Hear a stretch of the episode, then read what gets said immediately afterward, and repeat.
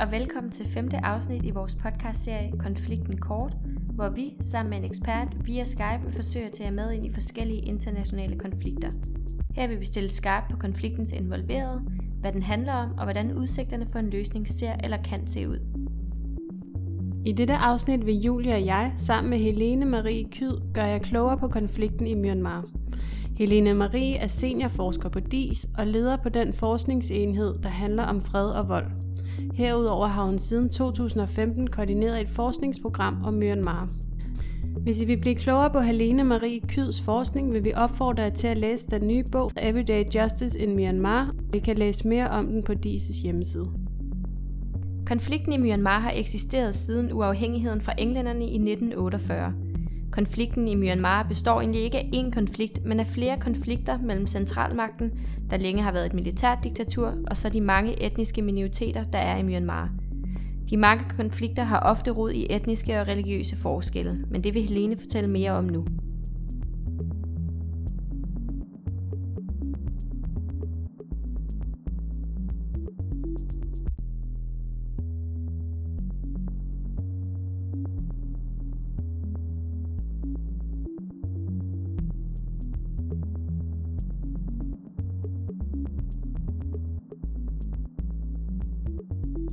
Konflikt i Myanmar, det er jo en meget kompliceret størrelse. Øh, den, vi har hørt mest om nu i de internationale og de danske medier, det er jo den konflikt, som er op i Rakhine-staten, altså den stat i Myanmar, der ligger på grænsen til Bangladesh, hvor at der har været alle de her mange, mange tusind rohingya, muslimske rohingya, der er blevet fordrevet på grund af angreb fra militæret, øh, og sammenstød mellem øh, den oprørsgruppe, der repræsenterer rohingyaerne, og så militæret. Det er det, vi har hørt rigtig meget om. Men faktisk er konflikt en ting, der har foregået meget, meget længe i Myanmar, faktisk siden uafhængighed fra englænderne i 1948. Og de her konflikter øh, har selvfølgelig deres egen dynamikker, men det de har til fælles, det er øh, en konflikt mellem centralmagten, hvor militæret har siddet meget på magten indtil meget for nyligt, og så øh, etniske minoritetsgrupper øh, og de bevægelser, der repræsenterer dem, eller de væbnede grupper, øh, og organiseringer, som repræsenterer de mange etniske minoriteter, der er i Myanmar. Så de konflikter, der har været, og også den, som der er meget fokus på lige nu, den handler grundlæggende om etniske forskelle og i stor udstrækning også øh, religiøse forskelle. Myanmar er jo et buddhistisk majoritetssamfund, og der har været konflikter mellem buddhister og muslimer. Der har også været konflikter mellem buddhister og kristne, men der har også været etniske minoriteter, som er buddhister, der er blevet undertrykt, og der har også været konflikt mellem militærregimet og, og buddhistiske minoriteter. Og mange af de her konflikter, de har foregået i grænseområderne. Den vi kender bedst er konflikten på grænsen til Bangladesh, men der foregår også stadigvæk kampe, øh, har gjort i mange, mange år siden uafhængigheden, og mest siden 1960'erne på grænsen til Kina, og så hele vejen ned langs grænsen til, øh, til Thailand. Og Faktisk har der også været noget væbnet konflikt på grænsen til Indien, op i det, der hedder Nagaland. Og det, der samler de her konflikter, og nogle gange har de også stået sammen, det er at man allerede fra 1962, altså 15 år efter uafhængigheden, der var der et militærkup, hvor en militærdiktator kaldt Ne Win, han overtog magten. Øh, og han var ikke interesseret i, at de her etniske minoriteter, de skulle have selvbestemmelse og specielle rettigheder, men ville bringe dem ind under majoriteten, og der var en masse undertrykkelser og angreb på de her minoritetsgrupper, som så styrkede deres egne organisationer og styrkede de skæld og den konflikt, der var. Øh, nu er der så nogle af grupperne, der har våbenhviler med militæret og har sådan gang med fredsforhandlinger, øh, for eksempel nede på grænsen til Thailand, hvor jeg har lavet meget af min forskning. Til gengæld har vi jo så set en opblusning op i Rakhine-staten, både mellem Rohingyerne og militæret, men også mellem øh, de rakhinske buddhister og militæret, som foregår lige nu, og vi har også set meget på grænsen til Kina. Som Helene fortæller, er konflikten i Myanmar kompleks. I Danmark hører vi mest om den symbolske og fysiske vold mod rohingyaer, men i virkeligheden består konflikten i Myanmar af mange forskellige konflikter med mange forskellige aktører, drevet af etniske og religiøse forskelle. Fælles for konflikterne er kampen mod centralmagten. Helene vil nu fortælle om udfordringen med centralmagten i Myanmar, der har skiftet styreform undervejs. Ja, altså til at begynde med, hvis vi går helt tilbage til uafhængighed for britterne, så er der faktisk rigtig mange af dem, der vil have deres eget land. Altså de vil også have uafhængighed, uafhængigt af bemeserne. Og når jeg siger burmeserne, så taler jeg, man kalder dem også Bamar, altså den majoritetsetnisk gruppe, som er i Myanmar, de udgør cirka omkring 70 procent. Nogle mener, det er lidt mindre, og nogle mener, det er lidt mere. At de vil have uafhængighed, altså de etniske minoriteter, som mestendels er i grænseområderne, som vi har nævnt før, de vil gerne have deres egen lande, og for eksempel karenerne er en gruppe, det er faktisk den største af dem, som hører til mestendels på grænsen til Thailand. De tog endda til England under forhandlingerne til uafhængigheden og ville og bad britterne om at få deres eget land. Og under kolonitiden var mange af de her minoritetsområder, de var også regeret på en anden måde, altså ligesom mere selvstændige områder end, end det, man kaldte Burma proper, altså den del af Burma, hvor Bamar-gruppen øh, boede. Men det skete altså ikke. Den første leder af Myanmar, som vi lige kan komme tilbage til, som op, også var oprørsleder, for han var nemlig far til øh, Aung San Suu Kyi. Han prøvede at samle alle de her etniske minoritetsgrupper der var stadigvæk nogle af dem, der ikke var så tilfreds, men han fik alligevel overbevist mange af dem om, at i stedet for løsrivelse, altså at have deres eget land, så ville man lave en eller anden form for federalisme, altså hvor de havde en stor grad af medbestemmelse, men hvor de også var del øh, af Bøma, altså af et samlet Bøma. Men han blev dræbt ret kort tid efter uafhængigheden, og så kom der en anden leder til, og han var også sådan, vi gerne imødekomme nogle af de krav, som de etniske minoriteter havde, men i meget mindre grad og, og forhandlinger faldt sammen, og så blev startet de her kampe. Og så da øh, militærdiktatoren Lewin kom til i 1962, så faldt det hele sammen. Og så ville han ikke give dem nogen som helst rettigheder, nogen som helst selvbestemmelse, eller noget som helst. Så der blev linjerne ligesom trukket op. De ville stadigvæk have den her selvbestemmelse, de blev anerkendelse som etniske minoriteter. De ville have lov at have deres egen kultur og snakke deres eget sprog. De ville også have lov til at eje den jord øh, og de naturressourcer, der var i de områder, hvor de boede. Men det ville militærdiktaturet og diktatoren ikke være med til. Og han fratog dem sådan set alle de der ting, og det blev forbudt øh, at tale etnisk minoritetssprog i skolerne osv. osv.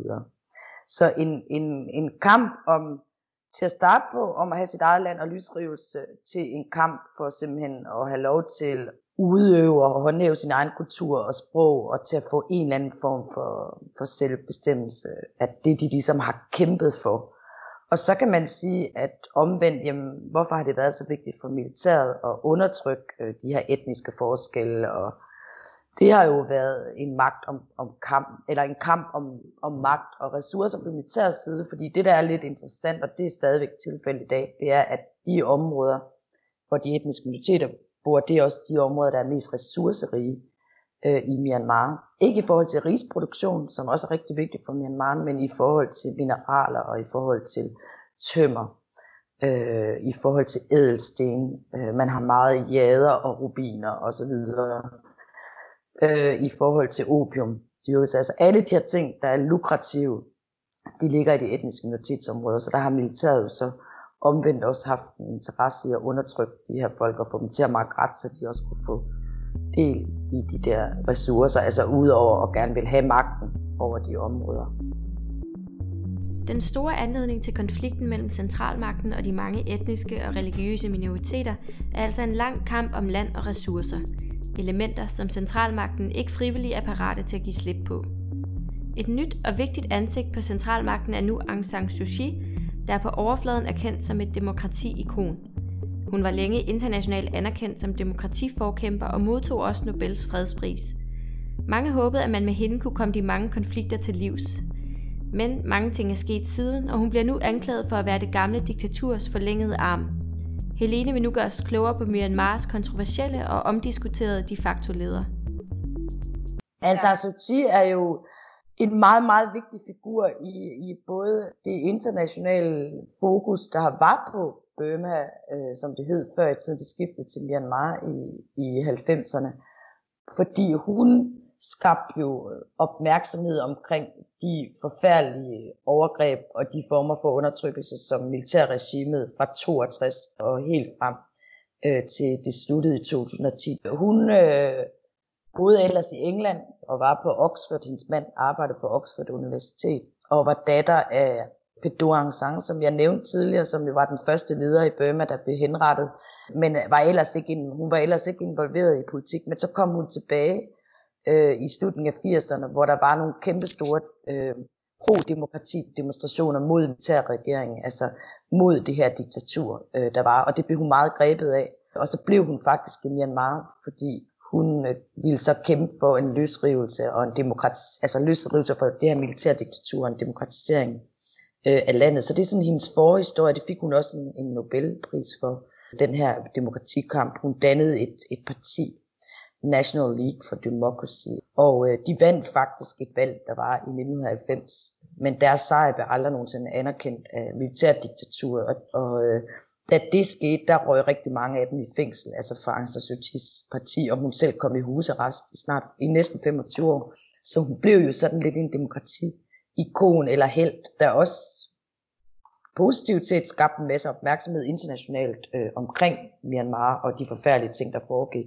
Øh, og på den anden side, så skabte hun jo også meget håb i befolkningen om, at ligesom deres nationalhelt og nationens far, altså deres datter, hun ligesom kunne redde landet fra den undertrykkelse, der var fra militæret. Og det var der også meget håb af blandt de etniske minoriteter, som jo i, altså, som var endnu mere undertrykt, kan man sige, i majoritetsbefolkningen øh, var. Altså, Suu kom så til magten. Hun, hun kan ikke være præsident. Det er en, en historie for sig selv, fordi det står i grundloven, at folk, der har familiemedlemmer, der er udlændinge, og det er hendes sønner, fordi de er jo født i England, øh, så kan man ikke blive præsident. Men hun er så blevet ligesom statsoverhovedet, der er blevet skabt en position til hende. Og hende og hendes parti, de kom til magten i 2016 efter et jordskredssejr i 2015, altså i valget, vandt de meget, meget, meget, meget stort. De sidder med næsten 80 procent af pladserne i, i parlamentet, eller det, der jo svarer til Folketinget i Danmark. Hun har jo skabt håb om, at det her land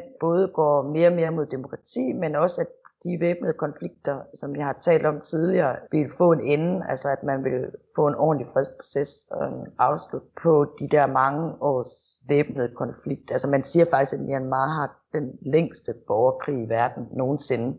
Men der er jo så sket mange ting siden øh, 2016. Der er mange udfordringer øh, til den demokratikamp, som altså Suu står for, og hun har jo også, øh, som I sikkert også har bemærket, især hvis man følger meget de internationale medier, fået meget kritik, fordi at der jo fortsat er de her konflikter om, især på grund af konflikten op i Rakhine, og på grund af den nedslagning, der har været af Rohingya-muslimerne, og deres flugt til Bangladesh, at hvorfor har hun ikke stoppet det, men er hun så virkelig demokrat, og forsvarer hun så virkelig mindretallene, så det har fået rigtig, rigtig meget kritik for, og det er jo en kritik, der også, kan man sige, er på sin plads, fordi hun har jo et ansvar som øh, leder af landet. Aung San Suu Kyi har altså fået enorm kritik, men ofte er kritikken unuanceret og uden forståelse for det politiske system og udviklingen af demokrati i Myanmar. Helene vil nu fortælle om, hvor svært det er at udbrede demokrati og demokratiske processer i et tidligere militærdiktatorisk land, og om hvordan Aung San Suu Kyi forsøger at udøve sin indflydelse indefra. Det man også er nødt til at forstå, om det så er i forsvar af Aung San Suu Kyi, eller det er sådan mere for at forstå hele situationen, det er, at den demokratisering, der er sket i Myanmar, øh, er kun meget delvis, både på papiret og til og, og i særdeleshed også i praksis. Altså på papiret, der sidder øh, militæret stadig på 25 øh, procent af pladserne i parlamentet. Altså deres, de har simpelthen nogle obligatoriske pladser. Man kan for eksempel ikke lave vigtige grundlovsændringer, uden at øh, militæret også stemmer ja for det. Så mange af de ting, som gør, at Myanmar stadigvæk ikke er et fuldt demokrati, og som man gerne vil have ændret, for eksempel i grundloven, som Aung San Suu Kyi også gerne vil ændre, det kan hun simpelthen ikke, uden at hun får militæret med sig. Så fra at være en demokratiforkæmper, der var imod militæret, og som gjorde alt, hvad hun kunne for at vælte militærregimet, så er hun faktisk nødt til at arbejde sammen med dem i dag.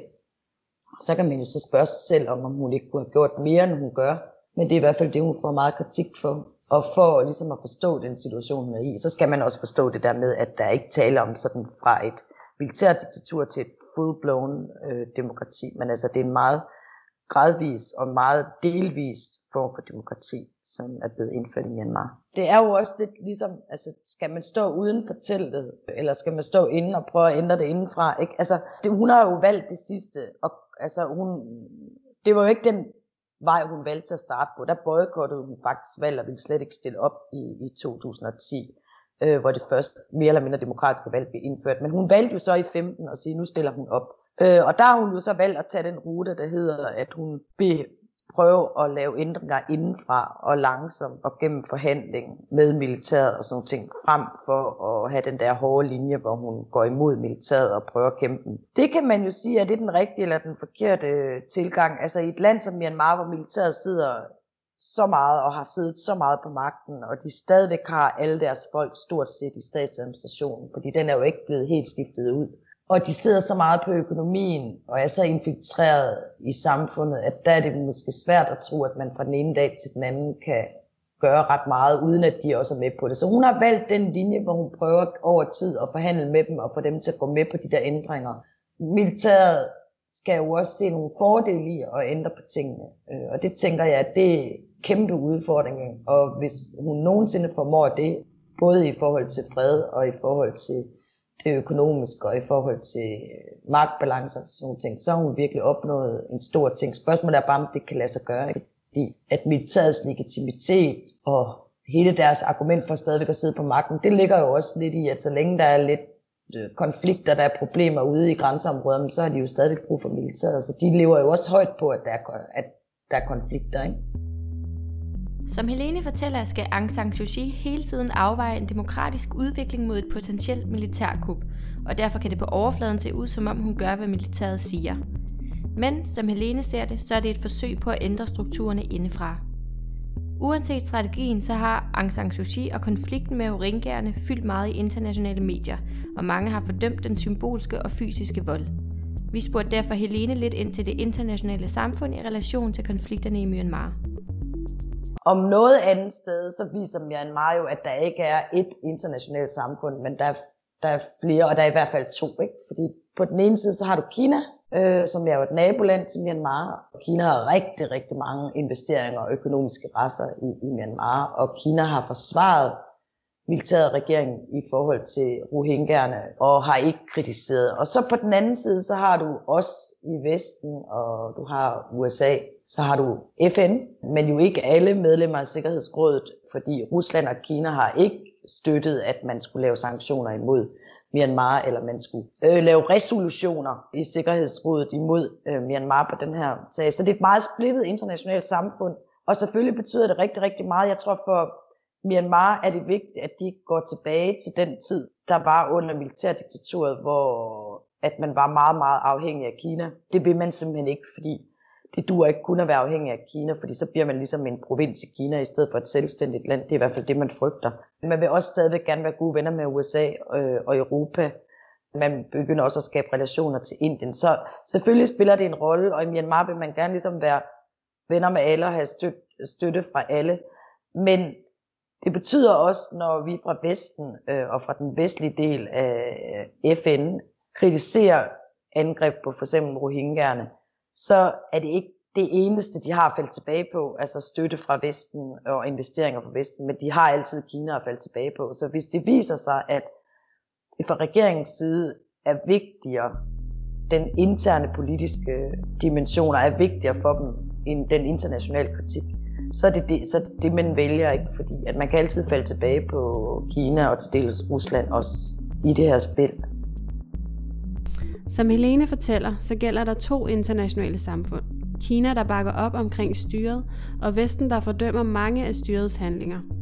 Myanmar står nu i en svær situation, for de vil ikke gøre sig for afhængige af Kina, der støtter dem, og de vil gerne forblive gode venner med mange af de vestlige lande, der lige nu fordømmer dem. Helene vil nu fortælle om fremtidsudsigterne for de mange konflikter i Myanmar, der blandt andet indebærer en vis form for selvbestemmelse til de mange etniske minoriteter. Men som Helene har fortalt, så sidder de etniske minoriteter på værdifulde ressourcer, som militæret får stor nytte ud af. Det virker derfor urealistisk, at militæret og centralmagten skulle opgive og afmilitarisere de ressourcer og territorier, som de råder over nu til fordel for etniske minoriteters selvbestemmelse. Ja, altså hvis vi tager alle konflikterne, så er, så er der ret stor forskel på, hvem du snakker med. Det er klart, at hvis du snakker med nogle af de etniske minoriteter ude i de områder, hvor de væbnede grupper har etableret sig, og som jo nærmest har skabt sådan nogle parallelle samfund. Altså noget af det forskning, vi har lavet omkring retssektor og politiarbejde og i det hele taget, de her væbnede grupper har jo etableret sådan nogle nærmest parallelle samfund, hvor at de har deres eget statssystemer og sådan nogle ting, altså de er jo ekstremt legitime, de væbnede grupper, og der har man en stor interesse i, at man skal have et føderalt system, hvor man har en stor grad af medbestemmelse. Man vil gerne selv eje jorden. Man vil ikke have, at centralmagten bare skal komme og tage jorden. Så der er der jo stadigvæk meget, ekstremt meget mistillid til øh, centralmagten, militæret. Der var håb om Aung San Suu Kyi, men nu er den mistillid ligesom også faldet igen. Man kan ikke rigtig se, at hun har rykket hurtigt nok på at ligesom forbedre deres vilkår. Så det er ligesom fra, fra de samfund, som jo ikke er Rohingya, jeg snakker om nu. Nu snakker jeg om nogle af de samfund, der er på grænsen til Thailand, og det samme vil vil, øh, vil gælde, øh, gælder også op øh, på grænsen til Indien, og nogle steder også på grænsen til, til Kina, altså hvor der ikke er væbnet kampe længere, men hvor de væbnede grupper stadigvæk er der, og hvor man er ved at forhandle den her fredsproces frem mod et eller andet form for federalt system. Altså den venteposition, de er i. Der, øh, der er der stadigvæk rigtig meget mistillid. Håb, men mistillid. Det optimistiske, det er jo, at militæret bliver yderligere motiveret til at frelægge sig den politiske magt, de har, og øh, ikke længere synes, at de har brug for at sidde på de naturressourcer og mineraler og sådan noget, der er ude i, i grænseområdet. Altså hvis de på en eller anden måde militæret og militærgeneral bliver motiveret i en anden retning, hvordan det så end skal ske, så øh, stopper de der kampe også. Hvis man så samtidig binder det sammen med, at man får lavet en ordentlig aftale om et føderalt system, altså hvor de her mindretal også har medbestemmelse, og også får lov til måske at praktisere deres eget øh, jordejerskab, naturressourcesystemer og sådan nogle ting, altså hvor der er en, en stor grad af selvbestemmelse, så tror jeg også, at, at de, så vil de heller ikke gøre oprør længere, og det vil også skabe tillid, fordi så længe de er bange for, at central magt og militæret kommer og tager deres jord, tager deres ressourcer, så øh, kan man jo ikke lave nogen aftale, så, kan man jo, så vil der jo altid være konflikt, så vil de jo også blive ved med at mobilisere sig. Så det tror jeg, hvis, hvis, man, hvis de ting kommer på plads. Problemet det er bare lidt, at det er lidt, hvor den der motivation skal komme fra ikke, til militæret. Altså, hvordan skal de ellers blive ved med at være stenrige og holde sig selv kørende, hvis ikke de har fingrene nede i de der forskellige ressourcer, der er i grænseområderne. Altså er der nogle, kan man finde nogle exit-strategier i forhold til deres overlevelse? Kan man håbe på, at de yngre generationer ser tingene på en anden måde? Altså der er jo sådan nogle ting, ikke? Øh, man kan håbe på. Men altså det, der er stærkt brug for i Myanmar, det er jo det, man kalder en afmilitarisering. Ikke? Fordi hvis du har haft militær diktatur og borgerkrig i så mange, mange, mange generationer, så øh, kræver det en fundamental ændring af, hvordan samfundet er sat sammen, men også hvordan folk tænker på magt og på relationer til staten og sådan noget. Ikke? Altså når man har haft så meget militariseret samfund. Så det at det, det kræver. Altså det, fra pessimistens side, så ser det rigtig, rigtig meget, meget skidt ud for rohingyerne, men måske lidt mindre skidt for nogle af mindretallene, hvis de formår også at mobilisere øh, politiske partier og få nogle flere folk ind i parlamentet til næste. Nu er der jo valg her i, i november i år. Så der, kan jo, der, er, der vil jeg godt tillade mig at være en lille smule optimistisk. Men nu har vi jo også coronakrisen, ikke? Og den øh, har vist sig fra to sider, eller vist to sider. Det ene det er, at Aung San Suu Kyi er blevet sindssygt populær, i hvert fald i majoritetsbefolkningen og i bybefolkningen. Fordi hun har virkelig taget sig af folk og lavet hjælpepakker til de fattige med ris og sådan nogle ting, og lavet små håndvaskevideoer til børn og så hun er lige pludselig steget meget i, i popularitet.